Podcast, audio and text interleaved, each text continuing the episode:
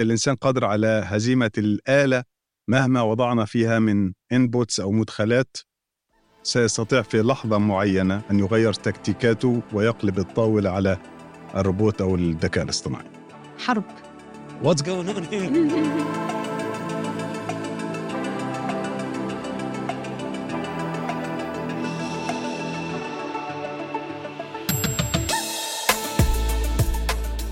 أهلا وسهلا فيكم في حلقة جديدة من بودكاست إبتكارات.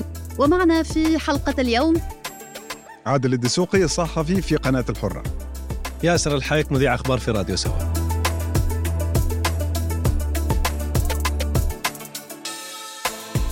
طيب الذكاء الاصطناعي قدر أنه يوصل لمرحلة أنه يوفر العديد من الأشياء من حوالينا. لكن هل سيقدر في مرحلة من المراحل؟ إنه يخلينا نستعيض عن شيء أساسي فينا كإحنا بشرية اللي هو الأحاسيس المشاعر. قطعا لا.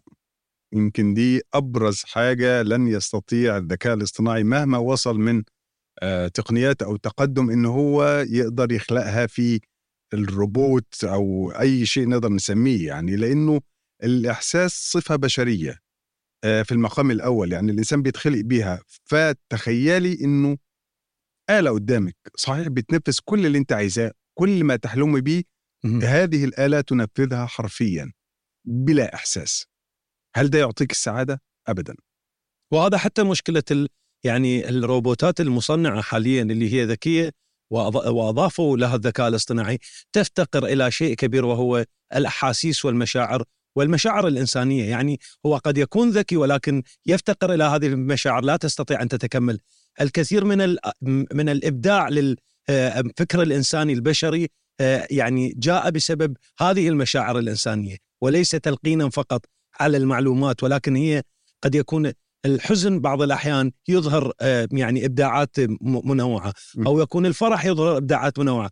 ولكن هذا ما يفتقر يعني يوجد لدى الإنسان ولكن لا نعرف مستقبلا ولكن لحد الآن مستحيل أن يكون لدى الروبوت. لكن هناك جانب مش عايز أقول جانب مظلم لمسألة الذكاء الاصطناعي بوجه خاص يعني لأنه هناك تخوفات كثيرة من هذه المسألة. كما تعرف ياسر ونعيمة آه، بدأنا نقرا عن إنه آه، هناك مخاوف كثيرة تتعلق بالأمن القومي للدول أن يتم استخدام الذكاء الاصطناعي. كما قال آه، ياسر يمكن من شوية إنه هل يتم الاستعاضة عن البشر بالآلات فيما بعد؟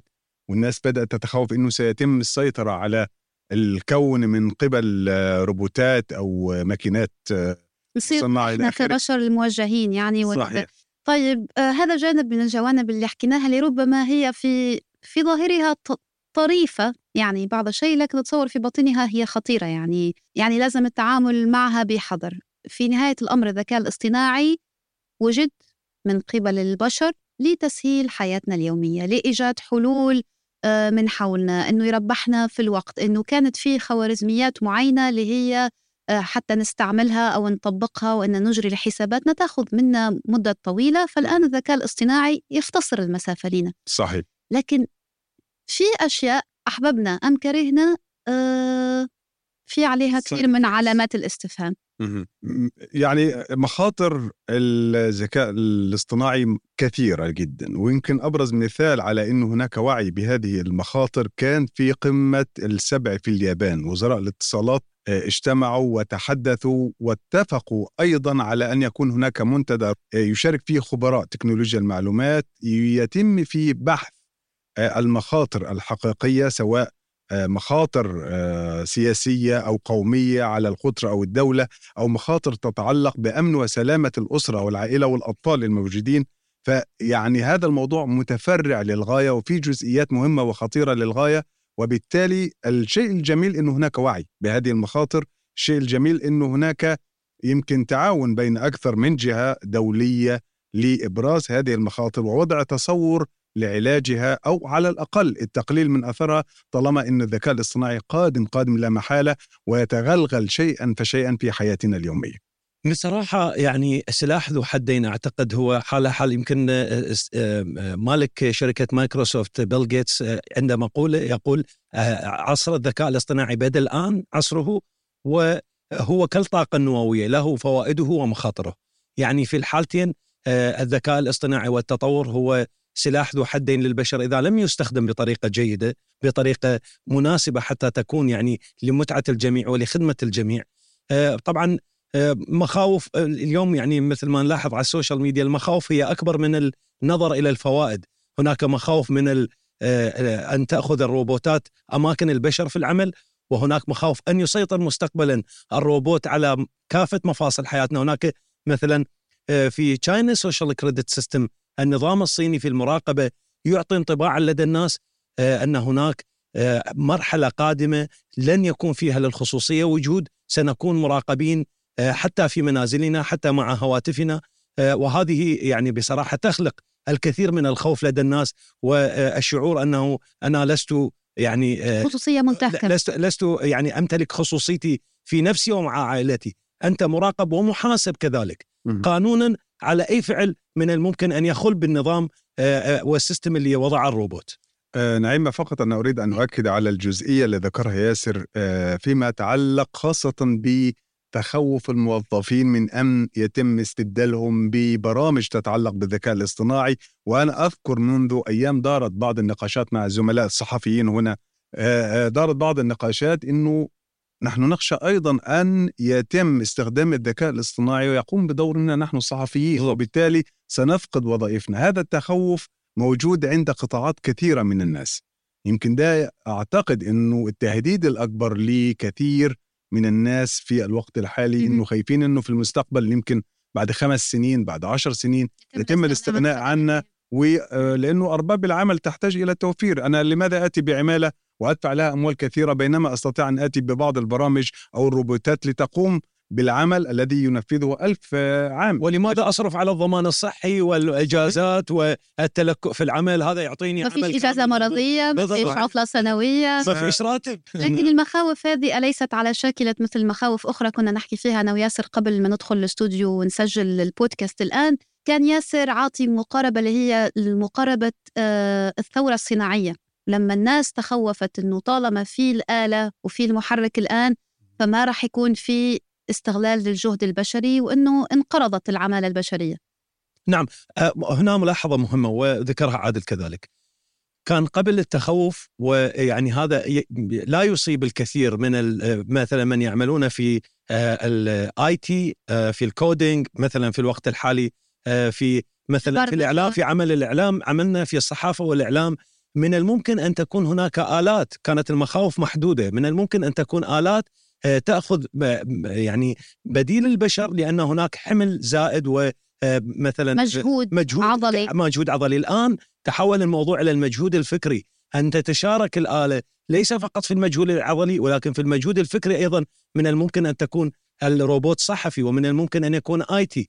ومن الممكن ان ياخذ وظائف كنا آه، نراها إنها لا يمكن حكر على البشر حكر على البشر بالضبط لأنه موجود الذكاء البشري ولكن بالوقت الحالي ليس في الوقت الحالي بعد مرور عشر سنوات مثل ما ذكر عادل من الممكن يكون الموضوع يعني إحنا جالسين في المنازل نأكل ونشرب والروبوتات هي من تقوم في كل الوظائف.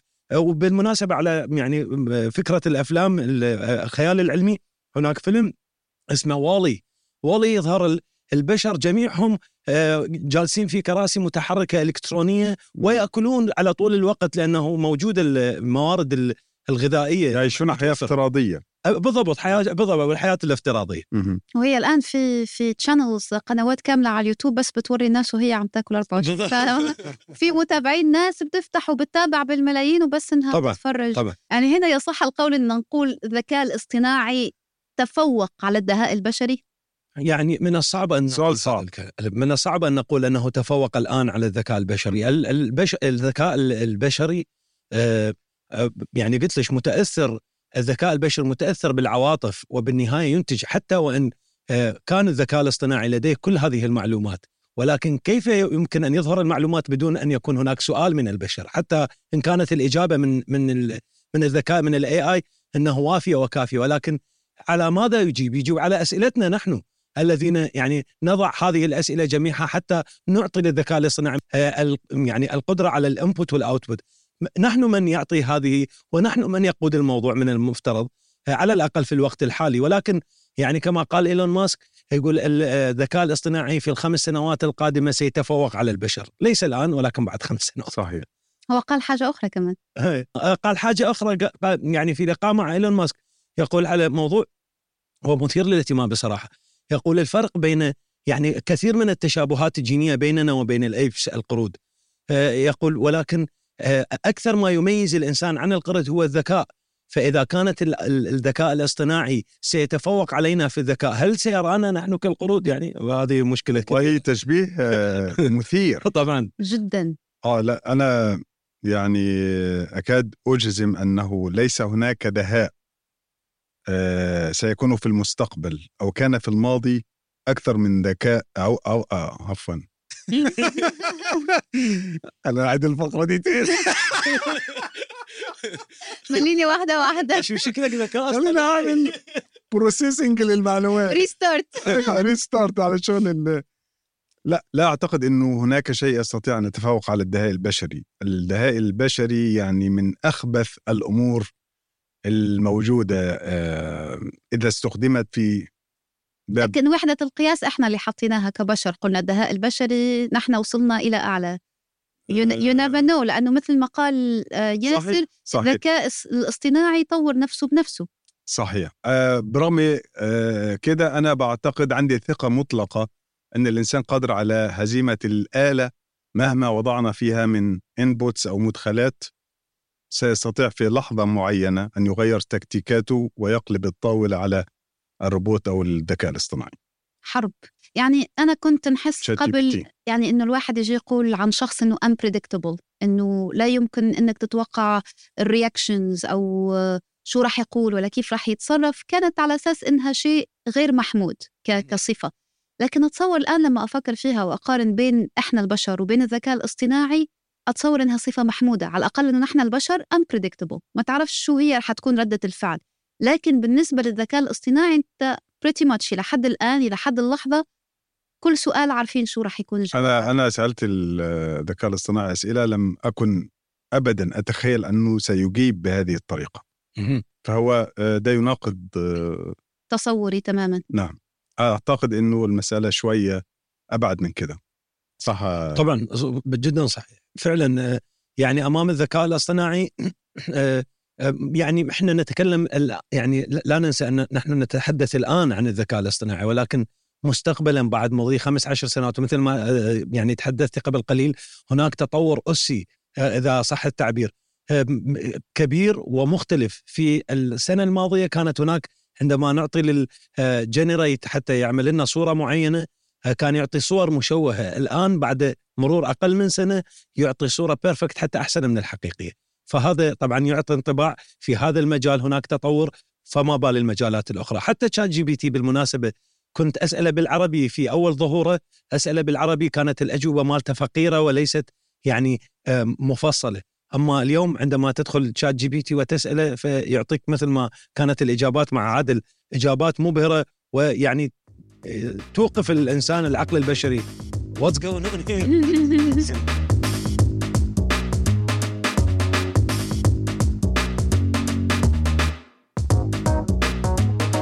سعدنا بصحبتكم في بودكاست ابتكارات. كنا معكم أنا نعيمة العامري. عادل الدسوقي الصحفي في قناة الحرة. ياسر الحايك مذيع أخبار في راديو سوا. شكرا جزيلا لكم. شكرا. إلى اللقاء.